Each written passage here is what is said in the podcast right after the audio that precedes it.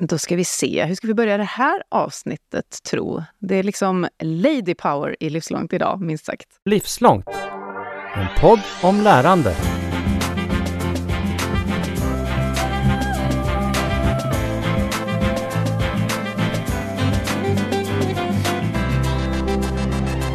För här finns, vi börjar med Johanna Redelius, min kollega och chef från RISE. Trumvirvel. Mm, tada! Tada! Hur känns det att vara här? Det känns jättespännande och jättekul och lite nervös så här första gången. Men som sagt Ja. jättespännande. Kommer klara dig så fint. Vad är du mest peppad på? Ja, men framförallt att eh, min stora förebild och eh, att Susanne är med här och bara får lyssna till hennes tankar kring teaterns magiska värld och så vidare. Så, att, eh, så jag ser fram emot att prata med Susanne helt enkelt. Mm, vilken fin övergång. För här finns också alltså Susanne Osten, ett namn som inte behöver en organisation bakom sig. Ännu större trumvirvel. Välkommen! ja, det är roligt. Jag är ett aktiebolag också, Susanne Osten aktiebolag. Ja, just det. Precis. Men det är fortfarande ditt namn ändå. Det, tyck, det tyckte Ja. jag var väldigt roligt när jag bestämde mig för det, att jag ägde mina idéer. Ja, Ja, det är ju faktiskt ett stort värde i det. Ja, och så jag heter Katarina Pietrak. Mig känner ju de flesta lyssnarna redan. Och då har vi redan eh, hintat här då om att vi är inne på ett litet hjärteområde igen, lärande och kultur. Men innan vi kör igång helt och hållet med det. Johanna, du är ju då också en, en ny röst som en sidekick för mig här i Livslångt. Det är ju lite olika såna. Eh, och jag ska inte fråga vad du gör här, det gjorde jag i något annat avsnitt, men, för det är ju jag som har bjudit in dig menar jag. Men du är ju en särdeles lämplig eh, sidekick. Varför det, tycker vi? Ja, men det, jag kan tänka mig att det kan handla delvis om att jag har en bakgrund i teatern och dramats värld. Jag har ju faktiskt jobbat som teaterlärare under många år. Så att jag har Mm. varit, kunnat vara med och jobba med unga vuxna helt enkelt, med deras resa inom teatern. Hur viktig är teatern för dig, skulle du beskriva det som? Vad sa du nu? Hur viktig är teatern för dig? Nej, den är jätteviktig. Eh, Dels handlar det om att eh, hur man kan utvecklas som människa, förstå sig själv, förstå andra, förstå sin samtid, förstå sin omvärld. Jag skulle vilja säga att teatern idag är ännu mer viktigare kanske än när jag började min egen teaterresa med tanke på Mm. i den omvärld vi befinner oss i. Men så har du precis som jag då gjort resan över till det här med lärande hela dagarna, livslångt eh, lärande. Hur, hur blev det så? Hur hör det här ihop skulle du säga? Nej, men dels tänker jag att teatern väcker ju saker, väcker ju engagemang, väcker nyfikenhet och väcker ju faktiskt ett lärande. Att, ett lärande att förstå sig själv, ett lärande att förstå andra och lärande att faktiskt förstå saker, situationer, relationer eh, och samhället i stort. Så att där ser jag en ganska direkt koppling, det här att den väcker frågor och nyfikenhet väldigt mycket. Ja, det ska vi verkligen ägna oss åt. Jättekul att du är här. Men du är inte huvudnumret då och inte jag heller, Nej. utan det är ju du, Susanne. Jaha. Och det är alltid svårt att presentera någon som du. Ska jag säga regissör, innovatör av svensk film och scenkonst, barnteaterikon, aktiebolagsägare. Eh, jag vet verkligen inte. Så hur presenterar du dig själv?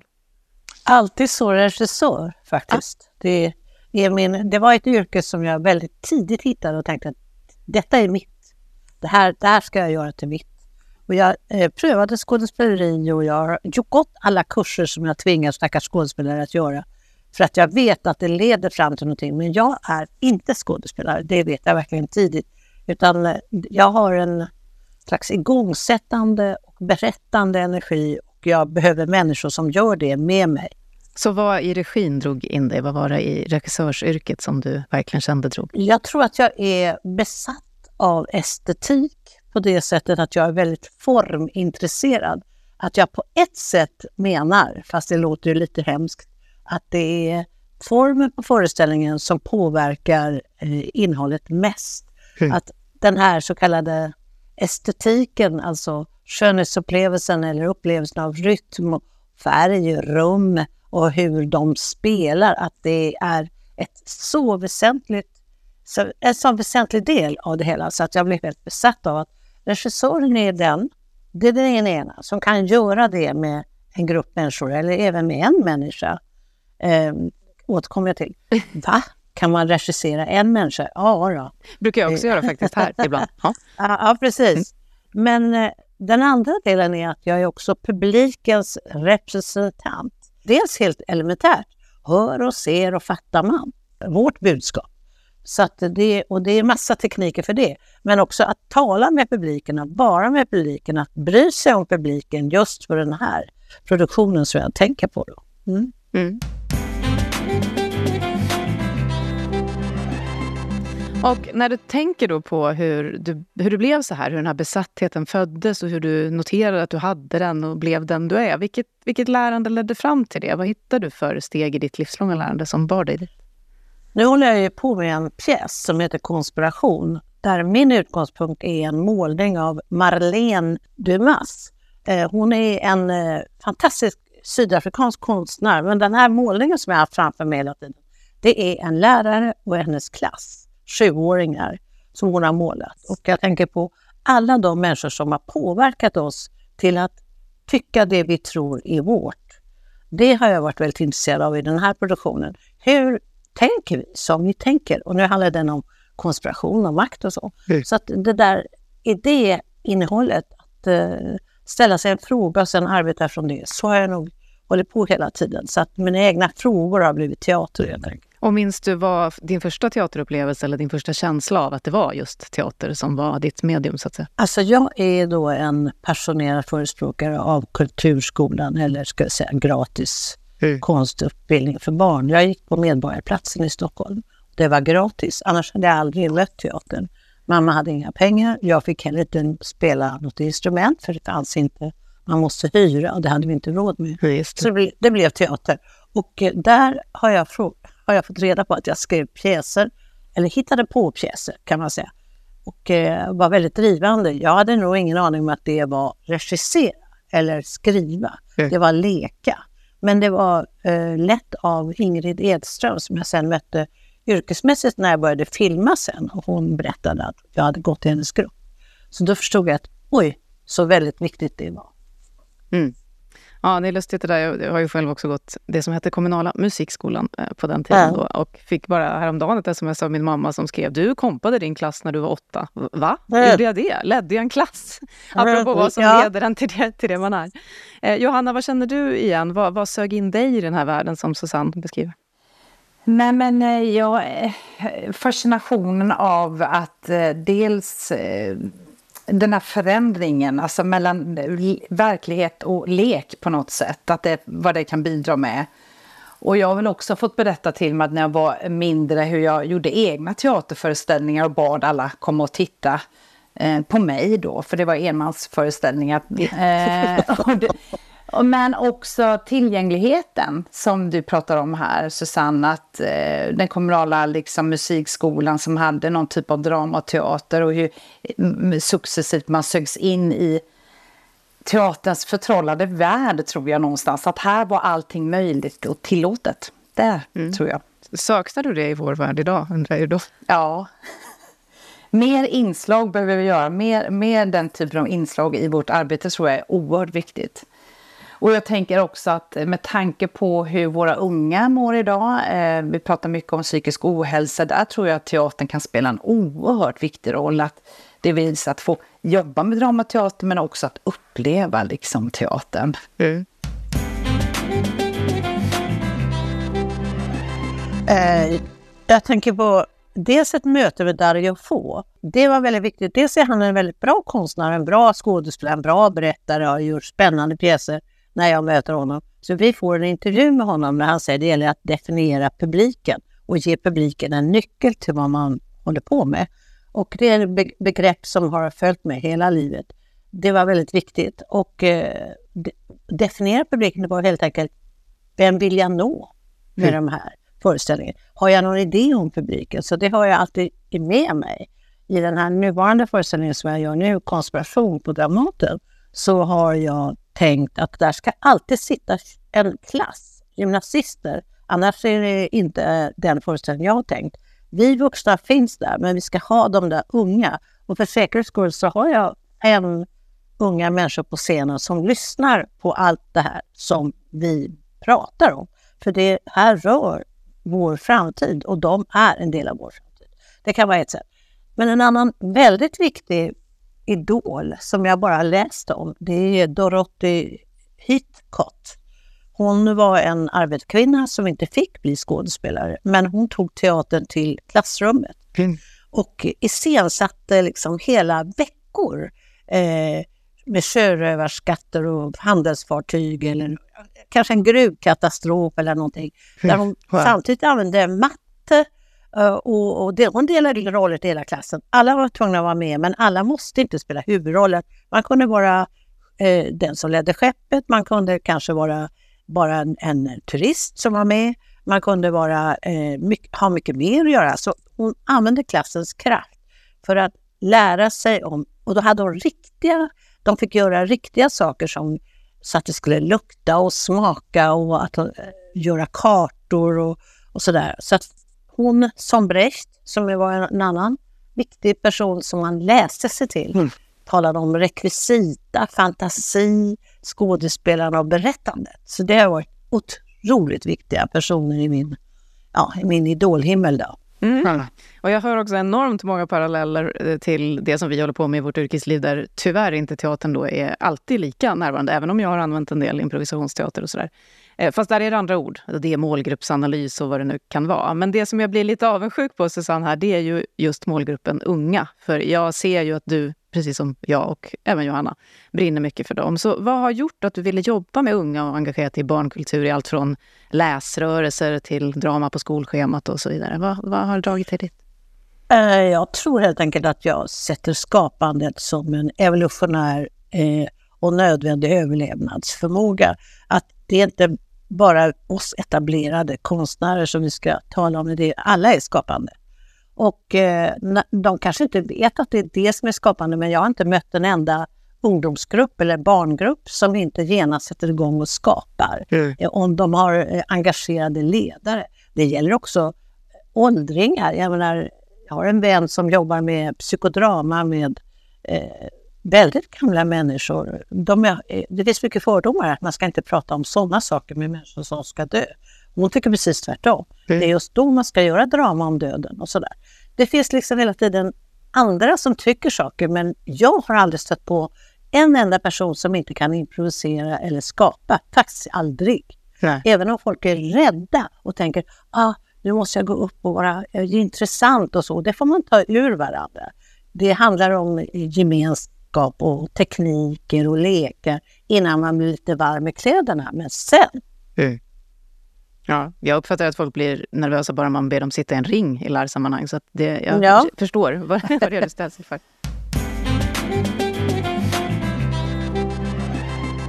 Johanna, vad skulle du säga som ju då har följt Susanne länge och du sa just att du var så peppad på att få höra mer. Att, att det här arbetet har betytt under den tiden som du också var verksam då som teaterlärare.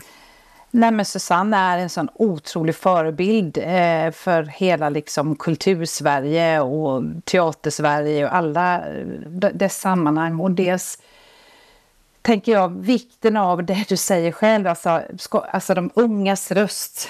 Det har varit så prioriterat och även att skapa delaktighet av unga, ständigt närvarande. Det har varit så otroligt viktigt och är ju liksom det är vår framtid. Så att eh, det är ja, en, en stor förebild just kopplat till liksom, eh, både liksom teater men just att ge röst till unga. Jätteviktigt tänker jag.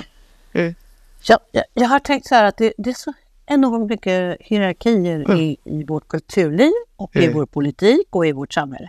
Så att jag har svängt mig med, jag har gått mellan jobba för vuxna, jobba för barn, jobba för tonåringar, jobba för bebisar.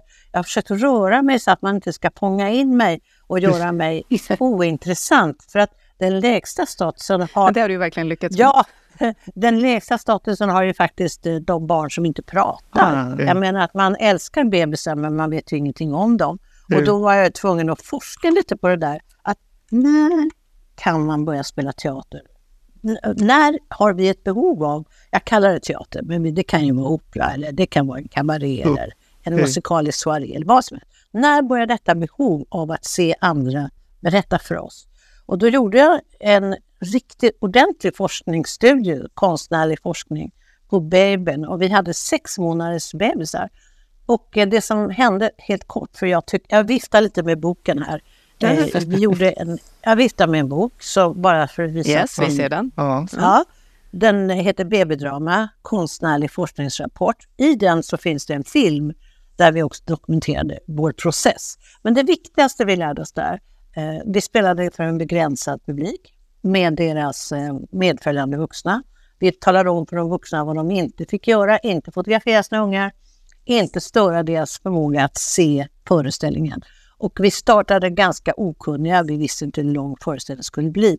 Men den slutade på en timme och 25 minuter. Okay. Och barnen um, ville ofta, sa föräldrarna sen när vi gjorde uppföljning, höra musiken och det som de har varit med om. Och då ska ni veta att 2004-2005 då ansåg man det ansågs meningslöst att arbeta för bebisen. De kom inte ihåg någonting de skulle växa upp utan några minnen och det där. Men på stan så känner de igen skådespelarna flera månader senare. Ah, oj. Och jag, jag fantiserar om att det måste ha varit något oerhört att se de här spännande skådespelarna framför dem eh, rikta sig till dem och till varandra. Det är ju teater. Mm. Det var ett spel om att födas. Det hade ju alla varit med om. Att födas, att, bli, att möta föräldrar, att möta det som är livet. Då. Och det var nästan en sakral upplevelse för vuxna att se det här, för barnen var precis som en vanlig teaterpublik. Mm. De följde spelet och skådespelare. Och vissa, vissa skådespelare blev särskilt uppvaktade av vissa bebisar, eh, av, av, publik, ung publik som blev förtjust i deras sätt att spela teater. Och man kunde se hur de hängde vid vissa. det var de som då blev igenkända på stan sen. Man såg huvuden resa sig upp ur sin eh, barnvagn, glodde intensivt. Och mamman, eh, eller pappan då, kanske sa, ja just det, vi har ju varit och sett den där babyföreställningen.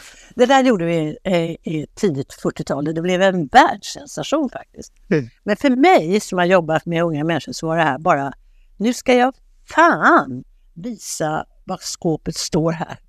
Att vi behöver det här precis lika mycket som vi behöver eh, kontakt med eh, våra föräldrar. Vi är estetiskt hungriga. Mm. Eh, skönhet, eh, rytm, kroppar som rör sig, text som sägs och bubblas. Vi kanske inte fattar ett jota vad de pratar om, men det är intressant för att vi tittar och försöker se vad det är det betyder. Det där kunde man dokumentera nu med film. Så filmaren Bengt Danneborn filmade eh, väldigt mycket närbilder. Jag tycker det är liksom enormt. Eh, det ligger sju minuter på Youtube bara för säkerhets skull. Nu går alla in och letar upp det. Jag med. Mm. Ja, Babydrama. Ja, lång, lång, väg från det där när, när man inte ens tänkte att bebisar kände smärta och tog massa prover ja. på dem direkt. Exakt, ja. exakt. Och att den här hjärnforskningen utvecklas hela tiden. Mm. Och, uh, vi trodde också att vi skulle bara behöva hålla på i tio minuter, men det blev en väldigt lång föreställning i förhållande till vad vi trodde. Och, och i ett annat experiment med studenter som jag har haft förmånen att jobba med, så gjorde vi en fem timmars pjäs med, för fyra femåringar. Bara för att bevisa att eh, när vuxna säger att de orkar bara 30 minuter, så är det, det är vi som bara orkar. Ja. Ja. Men, men som barn har man inte den tidsuppfattningen. Får man bara vila eller äta eller liksom få variation så kan man hålla på en hel dag. Mm. Jag tänker när jag hör dig berätta på just den här berättelsens kraft, både att få vara med och skapa, som du var inne på alldeles nyss, och också att ta del av andras berättelser. Och så barn och unga. Och att vi liksom, den här ohälsan du nämnde, Johanna, att vi pratar mycket om resiliens i samhället idag, att vi måste rusta oss med liksom, motståndskraft på olika sätt. Eh, jag uppfattar ju dig, Susanne, som att du har väldigt hög integritet och du har också ändå berättat en del i olika sammanhang om din barndom och uppväxt. Hur skulle du säga att den har påverkat dig i allt det här, i den du blev och är och lär? Ja, det, det är den där eviga frågan. Vad är miljö och vad är ja, omgivningen? Mm. Och bakom mig ser jag två bilder av min mamma. Här. Ska vi se. Ja, titta, där ser vi. Ja, ja, den ena tyckte Gunnar Eklöf var det bästa som hennes man Tor Bäckström hade målat. Och det är en väldigt intressant bild. Hon sitter och tittar självförsjunken och så ser man i spegeln henne. Och sen är det en bild av henne på, som 17-åring där hon ser glad ut. Det var hon inte ofta. Mm. Det där var ju en väldigt viktig ideolog för mig. För hon var väldigt intresserad av att barn inte skulle bli slagna. Och att barn inte skulle gå i tråkiga skolor. Så att hon gjorde rätt mycket för min syster Pia och mig att sätta oss i olika skolor. Det var friskolor då med en annan pedagogik. Men vi blev slagna och eh, det här, vuxna har många ambitioner. Det är inte säkert att de lever upp till dem. Mm. Men, men det var en enorm tro på barnets skaparkraft. Det var Steiner, för mig, i mitt fall var det Steiner-pedagogiken.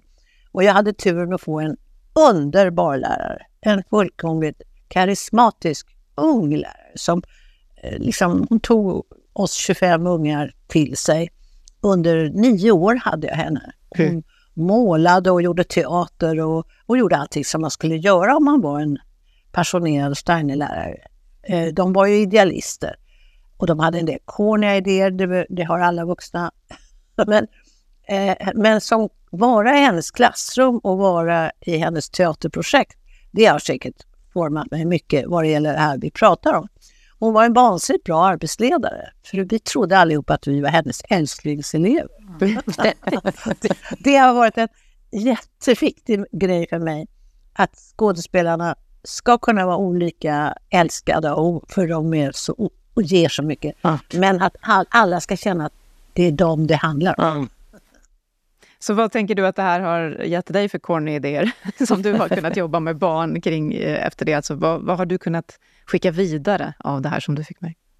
Ja, att man kan göra teater av allting. Telefonkatalogen eller, eller franska revolutionen eller ett familjedrama. Det finns alltid någonting som man kan få ut av det. Att det viktigaste är att skapa en lagkänsla eh, så att alla hjälper varandra och att alla vill framåt. Eh, man måste kunna uthärda kaos. Det blir alltid bra så småningom. Mm. Man måste ut, uthärda, det är ett ord som jag har sett att jag har skrivit på många ställen, uthärda. Det vill säga stå ut med att allt är inte färdigt, men det blir färdigt.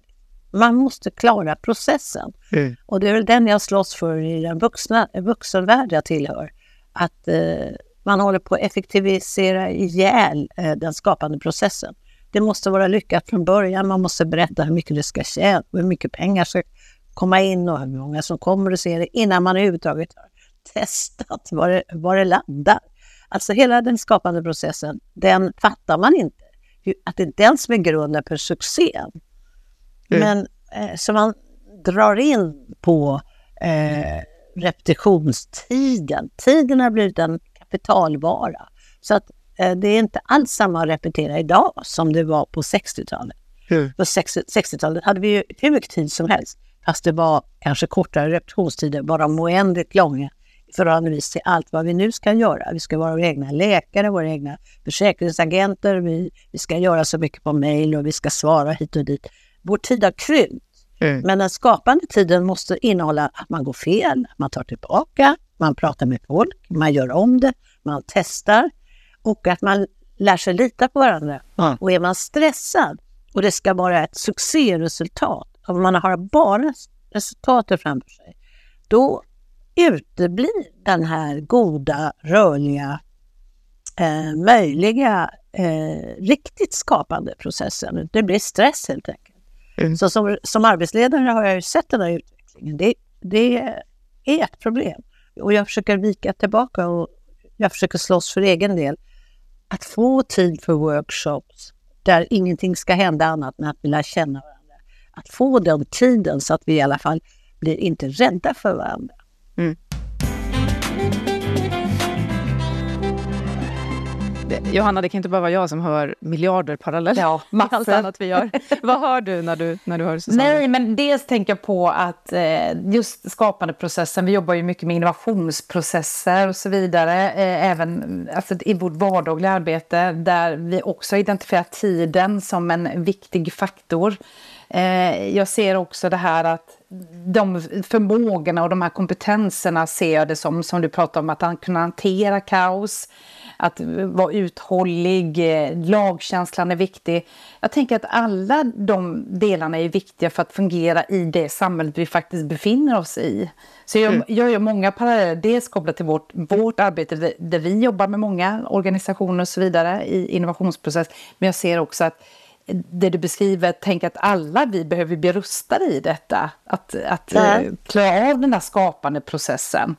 Ehm, Jag tycker också att det är kul att vi ofta pratar om att en, en lärande organisation, Mm. som ju ofta är en, ett ämne för oss, den måste våga misslyckas Ja, just som du precis. var inne på Susanne. Fail forward, det är så här businessuttryck Ja. som alla slänger sig med. Men det är ingen som riktigt pratar om hur vi ska Nej. våga det där och vad det finns för då rustande kring det. När du beskriver Susanne så hör man att här finns det otroligt mycket att hämta i det Ja. lärandet. Massor. En, en teknik som jag använder, eh, alla är rädda. Vi är precis, det finns ingen som inte är rädd för att misslyckas. Det är antagligen ren survival. Mm. Vi vill inte tappa ansiktet heller eller göra bort oss. Nej. Så, så att, eh, jag är väldigt noga med att jag har en arbetsledande roll. Att jag tar på mig en del ansvaret för att organisera det. Att nej, ni, vi ska inte misslyckas totalt. Och hur vet jag det? Ja, då får jag in väldigt tidigt en grupp som kommer och lyssnar och reagerar. Och vi lär känna varandra kanske ibland. Ibland är det bara någon tillfällig grupp. Men när de hör vad vi gör och ser vad vi gör och vi sätter in dem i... Mm. Vi gör kanske några gemensamma övningar så att alla känner att oj då, jag är också uppe och går här. Jag är också exponerad. Så att det blir mjukare så att säga, mottagande när alla är på, på golvet. Så jag har experimenterat med att alla dansar. Eh, alla dansar inte jättebra, men alla dansar. Och sen pratar man om vad är det vi söker här. Att vi, vi på något sätt hittar ett sätt att få publikgrupperna att bli intresserade av vår utveckling. Och då blir man väldigt snäll och väldigt kreativ. Och det gäller att inte få publiken mot sig eller säga vi är experter på det här, haha, nu ska vi spela upp den här grejen för er. Då kanske man utmanar dem att säga det där är fel eller Mm. det där fattar jag inte. Så, så jag skulle säga att jag verkligen manipulerar arbetet så att vi steg för steg erövrar gemensam kunskap om vad vi vill berätta. Medan publikgrupperna kommer och hjälper oss med det. Mm. Och då är man inte rädd för publiken sen när de väl kommer, för det är de där som man känner Som man till. fick på hjälp av. Ja, Ja, Ja. ja. Ett litet viktigt medskick till alla chefer och ledare någonsin, dig och alla andra. Johanna? Men eh, det tänkte jag också på, Johanna, när du var ledare i klassrum och när du var med de här unga människorna och inte med så här gamla som jag. V- vad har du för såna magic moments som du minns där, där du kunde se just såna här saker hända? Ja, men framförallt är det ju när man ska starta upp någon slags produktion med unga, är just det här att skapa den här tryggheten i rummet där det finns mängder av verktyg och övningar som man använder sig av. Eh, Där, eh, så jag tänker, jag tycker det är häftigt att se hur en individ tillsammans med gruppen utvecklas med hjälp av olika typer av drömövningar. Eh, Susanne har berättar några av dem här. Men också från att eh, alla är rädda. Jag tycker det är så bra att du säger det Susanne, att alla är rädda från början att misslyckas eller hur ska jag göra den här föreställningen och så vidare. Och sen se då den processen till när de faktiskt står på scenen och gör den här föreställningen. Det är ju en, ja, det är en magisk process och en magisk resa att få vara med om det. Och då ser man ju att inte bara det att de har hur ska jag säga, lyckats på scenen utan man ser ju hur individen har vuxit liksom, i, sitt, i sin självkänsla, självförtroende eh, tillsammans med gruppen. Det tycker jag är magiskt. Liksom. Om, om man jobbar ute i klassrummen, det har jag gjort, då har jag försökt slå sönder klassen och blanda Mm. och skapa nya grupper så att det inte mobbningsstrukturen som är osynlig för en utomstående Just eh, verkar. Mm. Och då kan, då, jag minns eh, speciellt en väldigt eh, tjock kille som eh, var mobbad. Eh, rolig som fan. Eh, han blev ju klassens eh, mästerliga clown Mm. och utvecklade skådespeleri. Eh, där, när han var lite sönder, när vi hade plockat sönder maktstrukturen i gruppen. Man kan säga att det där finns på professionella planet Ah, också. Den, den mäktiga skådespelaren som vet precis hur det är eller som med sina utbrott kanske kontrollerar eh, stämningen. Eller så. Ja. Jag, tycker, jag tycker utbrott kan vara väldigt bra. Jag är inte alls rädd, utan jag har ju, jag har, numera, numera så har jag eh, skaffat mig en gedigen utbildning som gestaltterapeut. Och Det vill säga att jag, jag kan grupppsykologin och jag är inte rädd för vad som händer där. Det har hjälpt mig att inte bli rädd om någon blir jävligt arg. Ah, Det tycker jag kan vara bra, väldigt bra, för vi är lite fega allihopa och eh, vill inte såra. Och jag gick för en rätt aggressiv clownlärare, Philippe Gaulier, en fransman, och han var inte ömsint. Han kunde säga ni två där som håller på att dansa, hur tycker ni att dansen går? Och då sa ju vi på det svenska sättet, åh det är jätteroligt och det går Ja. jättebra. Och så sa han, nej men han försöker lära oss att säga, äh, det här funkar inte, kan vi titta på något annat? Som barn gör, att de omförhandlar. Eh, jag, jag är Pippi och du är kapten. Nej, nej, jag vill vara Pippi. Ja, okej. De omförhandlar hela tiden. Och det vill han att vuxna, vuxna människor ska lära sig göra i de skapande processerna. Inte bara, inte, inte bara gå, gå med på allting, utan verkligen slåss för sina egna idéer. Det där kan vara väldigt viktigt, Ja. att man etablerar det rummet. Och jag, jag tar ju så mycket hjälp. Alltså ni förstår, jag har utbildat mig terapeut för att inte själv vara rädd för gruppen. För att en sak är att kontrollera gruppen med ett auktoritärt grepp. Det kan vem som helst Ja. lära sig. Mm. Men att gå in i gruppen och ibland bli utsatt för den, det kan vara mycket skrämmande. Ja. Så man måste ha tekniker för det, det vet jag. Du håller med mig om det. Johanna. Mm, absolut. att eh, det kan bli destruktivt. Jo, och en ja. grupp kan vara jäkligt taskig. Ja. Det gäller, alltså, det gäller att veta hur man ska göra. Men eh, jag tar in koreografer som kan dans mycket mer än vad jag kan, men jag vet vad jag vill ha. Jag tar in eh, terapeuter som får möta karaktärerna som de håller på med och då får de en djupdykning i frågeställningar de inte har tänkt. Ja. Jag tar in eh, dramapedagog som jag just nu jobbar med, Elin Kalmer på Dramaten. Vi har haft ett fantastiskt upplägg och hon är, hon är verkligen viktig för mig. Så hon var den första jag tog kontakt med när jag skulle göra konspiration.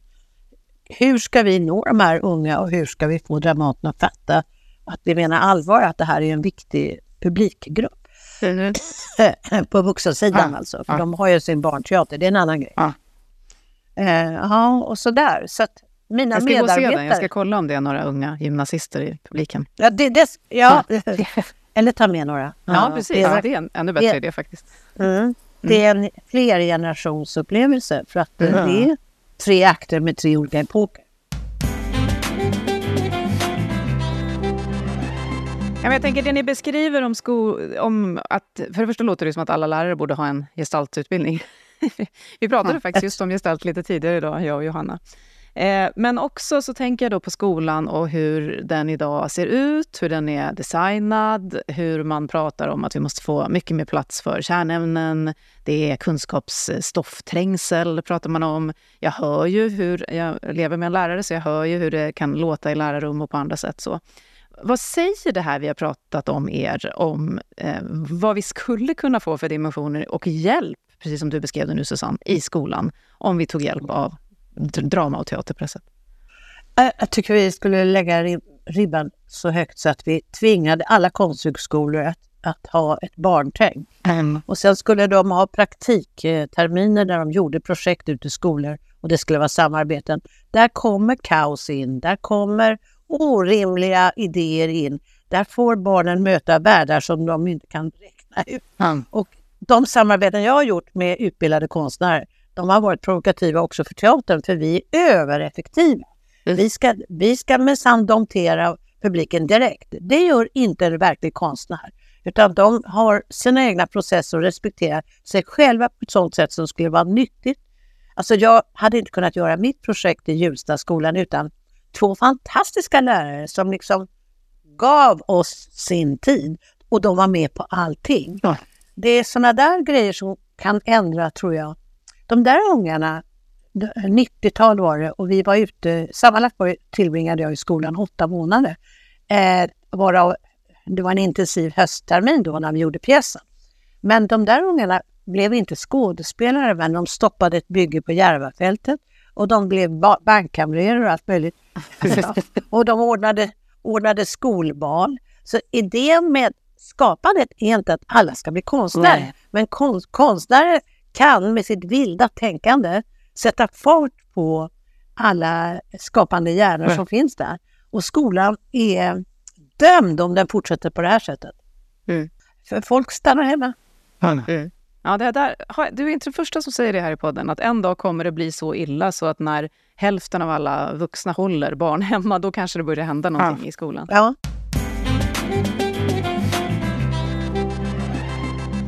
Men jag tänker på, alltså när, när, vi, när vi möter människor som säger men vi måste ju först lära dem matte och regionerna kan ju inte hålla på med kultur innan de har tillgodosett vården. Och den typen av polariseringar, vad, vad tänker ni då? Vad, vad kan man, hur kan man möta det? Man kan lägga vilka vuxna som helst på golvet och göra workshop med dem och de fattar plötsligt vad man menar. Jag har gjort jättemycket arbete med amatörer, alltså folk i olika yrkesgrupper som har velat ha, även en teaterstyrelse i Malmö, där de diskuterade om de skulle satsa på en barnteater. Och det var några ledamöter som undrade varför man skulle göra det. Och sen när vi hade haft workshops och gått tillbaka till konkreta minnen av vad man hade varit med om som barn, så var alla för. Mm. Så att jag, jag tror mycket. Jag tror att teatern eh, måste ta sig tid att eh, möta och göra överenskommelser med människor som kanske inte har fattat det där. Det finns väldigt mycket entusiaster kring en teater som... Det finns alltid någon förening som tycker att det är roligt att prata och sådär. Men när det gäller maktmänniskor så hinner de inte riktigt fatta djupet av vissa beslut. Mm. Utsätta dem för upplevelsebaserat lärande. Ja, precis. Mm. Ja, så, så säger ni. Jag säger mm. möta en konstnär, ah, själva, själva ställa konstnärliga frågor och upptäcka hur starka minnen är förbundet med starka upplevelser. Och varför skulle man förneka då eh, barnen i sin stad en sån sak? Vad säger du Johanna? Vad tänker du? Nej, men jag tänker delvis på det här eh, just med sko, alltså kopplat till skolan och då tänker jag framför allt i att eh, ja, men bygga den här tryggheten är, är ju oerhört viktig och hur socialiseras de andra? Det, där tycker jag liksom dramateatern är en, kan spela en oerhört viktig roll och väcka det som Susanne säger. Alltså, alla vi, menar jag på i alla fall, är ju födda till kreativa varelser. Och det, vi behöver liksom Eh, och då kan alltså dramateater väcka den kreativiteten och skapa lusten till liv. Och jag, jag håller precis med om Susanne, att det menas ju inte att alla ska bli konstnärer eller skådespelare, men, men just i det här skapandet, skapa att bygga en eh, samhällsmedborgare som har kontakt med sitt känsloliv. Eh, och förstås av sig själv och att, eh, att jag är beroende av andra människor. Eh, så att eh, jag tror ju väldigt mycket på att vi, alltså för att nå högre måluppfyllelse och skapa lust till skolan så är, skulle teatern vara ett av verktygen för att skapa det tror jag. Vi hade ju en renässans när Reggio Emilia mm. var inne på 70-talet. Alltså barn har så många språk. Ja. Och eh, vi har ju haft strålande eh, tider ibland när vi alla har färdats framåt på den här vägen. Det är inte så att det här är okänt, eh, utan eh, publiken kommer ihåg sina egna eh, lekar på, i skolan eller sina ja. egna teaterlekar. Det, det, här är någon slags... Vi vet det här någonstans ja. allihopa. Och vi behöver medvetandegöra, så jag tror att det, mm. det är inte hopplöst. Ja, det är min erfarenhet också, när man eh, sätter även då professionella vuxna som inte umgås med ja. sådana här tankar i, i vardagen, Nej. i någonting där de plötsligt bara, vad roligt det var att leka. Mm. Vi kan väl säga, var beredda alla, alla mm. styrelser och mm. ledningsgrupper mm. i alla storbolag, kanske på RISE också. Mm. Vi kommer lägga er på golvet från nu och ta fram leken i er. Det är väldigt viktigt.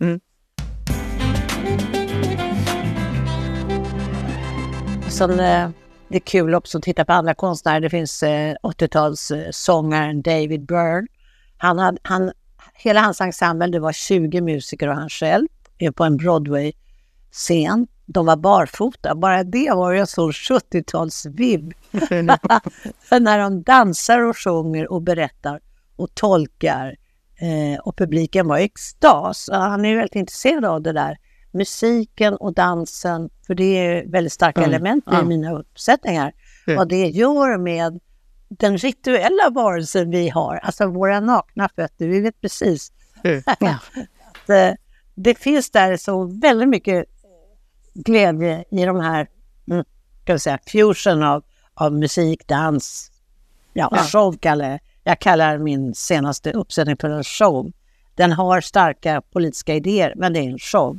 Mm. Vi, vi vill påverka publiken att känna livslust. Mm. Det är det som jag anklagar skolan för, att den tar livslusten från många unga människor. Mm. Ja. och det finns det ju mätningar på också, Lär, både lärlust och, och livslust ser vi då. Jag hade en universitetslärare, drar jag mig till minnes då när du berättar det här, som alltid kom in i föreläsningarna då i media och kommunikation barfota. Och han blev tokig om gruppen inte frågade varför. Mhm. Vad, vad är det ni läser till? Ni måste förstå frågans kraft. Ja, och så var det för att han var, var grundad i golvet. Det var väldigt roligt. Det har jag inte tänkt på på länge. Tack för det. Ja, väldigt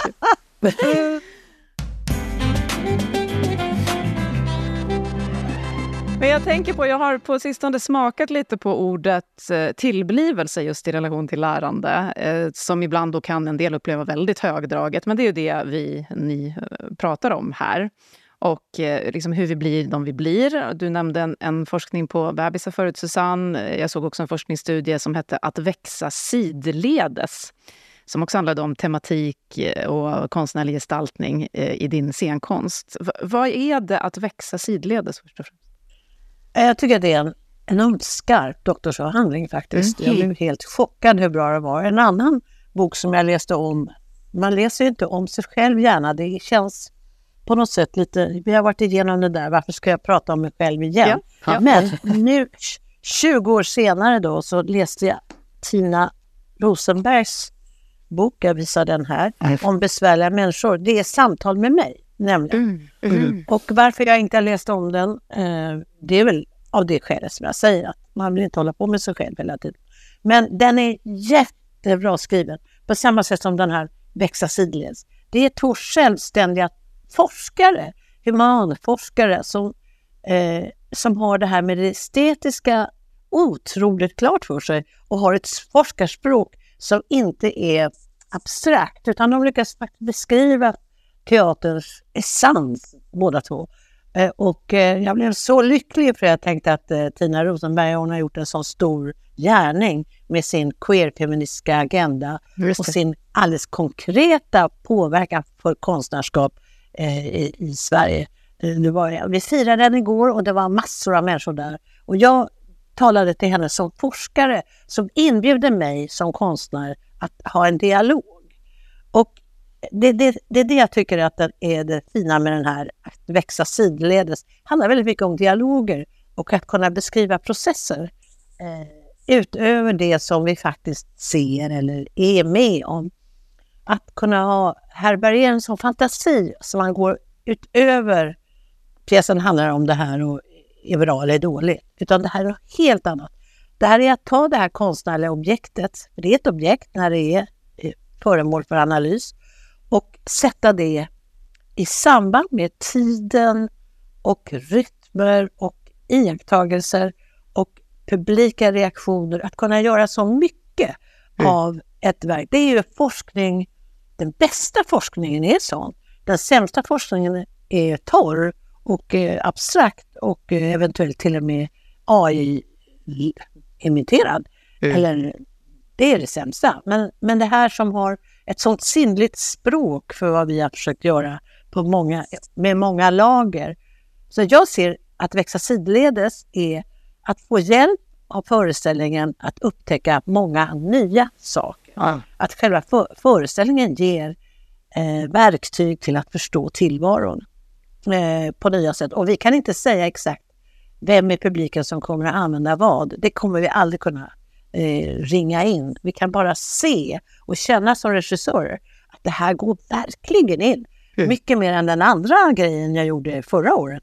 Vad är det nu som händer? Det här är verkligen angeläget. Då är det något som vi har träffat, vi har träffat rätt för många. Ja. Och, och det är väldigt märkligt när det händer. Och ibland har vi träffat rätt som nu i konspiration, att folk blir så berörda av en idéhistorisk text och intervju med människor så att de får minnen. Och det är det som jag tänker växas, eh, där sid, att det kan vara bakåt, det kan vara åt sidan, det kan vara att man får syn på någonting. Många ungdomar som jag har ju fått eh, reaktioner på konspiration av gymnasister, de skriver om saker de kommer att tänka på nu när de har sett föreställningen. Så att det, det måste vara så att eh, den världen man ägnar en och en halv timme eller två timmar, den fortplantar sig och fortsätter och fortsätter och fortsätter att verka. Och hur länge det pågår, det beror ju på hur viktig den frågeställningen blev för en individ. Mm. Men eh, det kan hur? hända ibland. Det kan hända. Alla föreställningar går inte där. Jag har gjort jättebra saker som ja, det händer inte så mycket. Men det, när det händer, då kan man säga att det är helt otroligt och då känner man att man är med om eh, tidens virvel. Eh, har råkat vara där när det händer och folk ser samma sak. Det var en kvinna som sa igår till mig, ja nu har du gjort någonting som gör att jag förstår plötsligt allting. Ja. Underbart! ja, det, hon, hon, tyckte inte att hon någonsin hade tyckt det förut när hon såg någonting. Men hon har flyttat sig, jag har flyttat mig, tiden verkar. Mm. Mm. Intressant. Mm. Mycket. Och jag ska inte dra tillbaka till din egen person så mycket så att du tycker det är obehagligt. Men jag läste en som har med det här att göra, så eh, bear with me, eh, med att växa sidledes. Jag såg att du hade fått ett pris där någon annan då också hade gett sig på att försöka beskriva dig. Eh, så här, är ett utdrag från det. Regissören Susanne Osten blev mamma som ung, har stått i skandalstormens öga, blivit utskickad från Dramaten, varit fiende med Ingmar Bergman, grundat barnteaterkompaniet Unga Klara, fått medalj från kungen och en hedersbagge för sin järva och nyskapande insatser inom just då svensk film och scenkonst. Och så fortsätter det här ganska länge. Det här är ur tidningen Feminas motivering för sin feministautnämning av dig 2023. Och du konstaterade också i intervjun där jag såg att du kan en del nu. Så vad har, vad har med ditt liv och det här växandet sidledes allt det här liksom inneburit för ja, allt det du kan och allt det du blev? Ja, jag började ambitiöst med att säga så att jag började faktiskt plugga konst och litteratur och tänkte väl bli kritiker. Eller tänkte jag kanske bli scenograf? Ja, sådär. Jag tänkte så. Jag har nog ändrat mig väldigt mycket, och, men jag vet att jag har varit väldigt påverkad av en viss antropolog och psykoanalytiker som heter Jules Henry. Hans sätt att intervjua familjer om deras psykotiska barn och hur, deras, hur de lever sina liv har varit väldigt vägledande när det gäller hur man skulle kunna göra för att komma djupare in. Alltså att det finns andra metoder än att sätta upp gamla Stanislavski-tankar, eh, psykologisk realism. Det finns helt andra sätt att närma sig teater. Eh, sociologi har varit väldigt, väldigt viktigt för mig och jag har ju provat olika psykoanalytiska tankegångar. Att det finns en hel värld av kunnande som jag har försökt dra till teatern och vi har haft mycket föreläsningar. Och eh, praktiker som poliser eller terapeuter eller lärare har ju massor. Till exempel ta den lärare som berättade för mig att hon hade en psykotisk mamma i klassrummet och hon visste inte hur hon skulle kunna få, bli av med det. Mm. Det ledde, led, det var då när vi jobbade mycket med min självbiografiska eh, Flickan, mamman och eh, Soporna hette pjäsen och sen blev Flickan, mamman, Demonerna blev det med filmen 20 år senare. Och då hade vi jobbat mycket runt hela världen och visat föreställningen i New York, i Johannesburg, i eh, Kanada. Jag hade visat den på en massa ställen och alla lärare där som kom sa att de hade liknande upplevelser som jag, den här läraren. Mm. Så, så det blir väldigt lika eh, i våra samhällen, att vi är väldigt rädda för psykos och så. Mm. Men eh, så jag grubblade väl väldigt länge. Jag har gett mig på nästan alla ämnen för barn, tyckte jag. Men hur ska man berätta om psykos? För problemet är ju att barnet älskar sin förälder. Mm. Och att det är så otroligt starka band. Och hur ska man berätta det? Och så kom det upp en idé och det blev det där.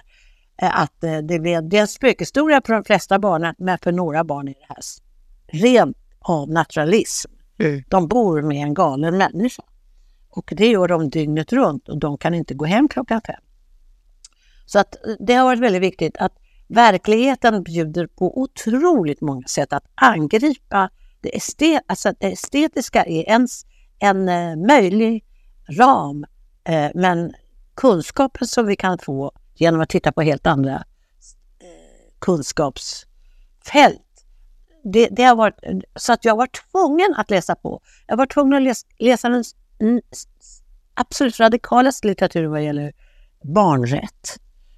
Jag, jag, jag, är väldigt engagerad i barnens rätt och det det har lett oss, mig till att läsa om hjärnforskning, det har lett mig till att läsa polisrapporter, det har lett mig till eh, pedagogisk kunskap, vilka pedagoger som varit intressanta, vilka terapeuter som är intressanta, hur man jobbar med barn. Det har lett mig vidare hela Mm. tiden.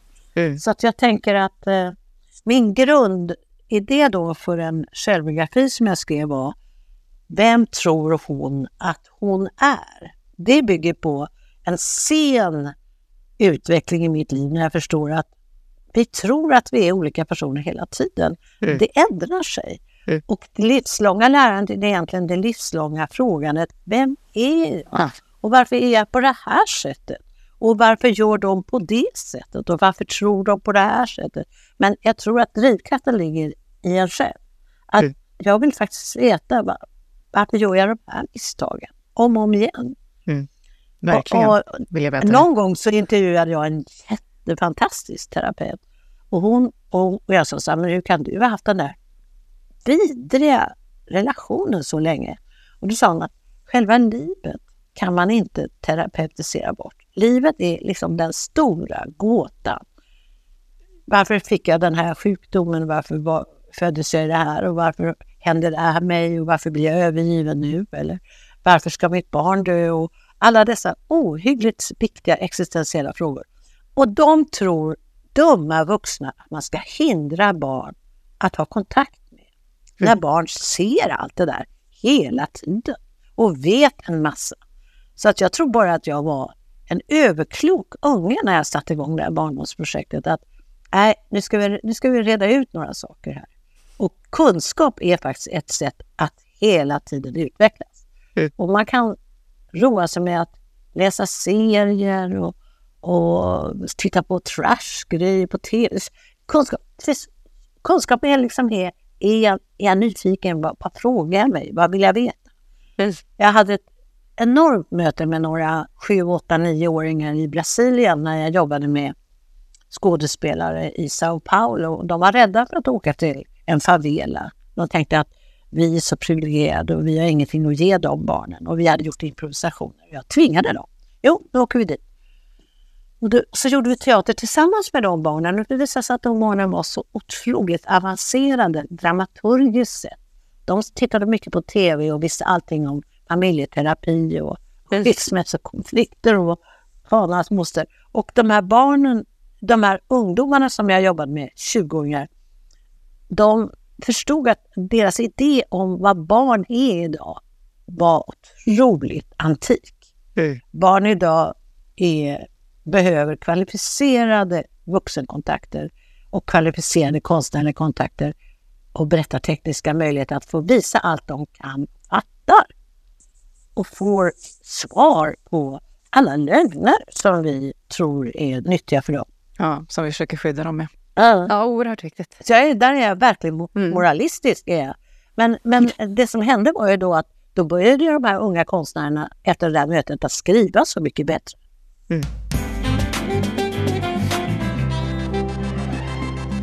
Ha, ehm, oh my god, som mina barn hade sagt. Johanna, hur ska vi konkludera det här och någonsin kunna avsluta det här fantastiskt spännande samtalet? Har, har du någon fråga som du har, liksom, som har växt som du måste få svar på innan vi slutar, Johanna? Nej, jag blir så fascinerad av ditt, din enorma drivkraft och nyfikenhet att hela tiden vilja förstå, veta mer om oss människor, om samhället och så vidare. Jag tänker den nyfikenheten att vilja lära sig och förstå, den eh, vill jag att alla ska hålla på med. Att ständigt vara nyfikna. Liksom. Mm. Så den blir jag Mm. så fascinerad av. Din drivkraft där, Susanne, att du eh, vill alltid veta mer. Ställer alltid de jobbiga frågorna. Då skulle jag också vilja säga tacka de två kvinnliga forskare, det finns fler, men just de som vi har nämnt här, Tina Mm. Rosenberg och eh, författaren till Att växla, att växa sid. I sidled. Ja. De har ju gett mig legitimitet i mitt tänkande genom att de plockar upp och gör det ytterligare förståeligt. Så att jag är ju en väldigt akademiker på det sättet. Jag anser att kunskap är, det är, gör en ännu mer nyfiken. Kan man söka även på den då? Rebecka Brink heter väl hon som har gjort Ja, den? ja Rebecka Brink. Ja. Stråla, strålande. Mm. Exakt. Ja, jag vill också tacka er två kvinnor för det här fantastiska samtalet som jag tycker vidgar horisonten på det sättet som vi ofta pratar om att vi vill kring både lärande och liv. Och jag tror jag kommer sluta prata om lust att lära och börja prata om lust att leva i de här olika sammanhangen jag är, eftersom vi just har konstaterat att det är det livslånga lärandet. Så enormt stort tack Susanne Åsten för att du kom till Livslångt och även till dig Johanna Redelius för att du såg till att det blev så och var med i samtalet. Ja, ja hej Katarina och Johanna. Vad kul det var att prata med er, även om jag babblar mycket själv. Ja, Ja, det får du se göra. Tack. Tack så mycket. hej. Hej. Och nu eftersnacket. Ja, men jag, hade, eh, jag fick en broschyr som hette eh, Har du besvärliga människor på jobbet som du vill göra av med, gå på en kurs. Och det gjorde mig så arg och intresserad också. Mm. Är vi nu i det där läget att vi ska göra oss av med massa människor? Och det var vi. Vi var faktiskt det på 90-talet. Eh, Och då var det intressant att ta reda på vilka är besvärliga människor då? Och då fann vi vad som var väldigt besvärligt var att folk inte var glada över förändring, att de var sega, att de var långsamma. För nu, nu bytte vi hjul. Nu skulle alla bli snabba, trevliga, effektiva. Så mera besvärliga människor är, är är jag intresserad av. Att, att vi, vi kastar grus i maskineriet, att vi ifrågasätter vår livsmiljö och att vi hela tiden tänker att det ska, vara, det ska hålla hela livet, ett, ett liv. Eh, gör det det? Är det här hållbart så som vi tänker om människor? Demokrati.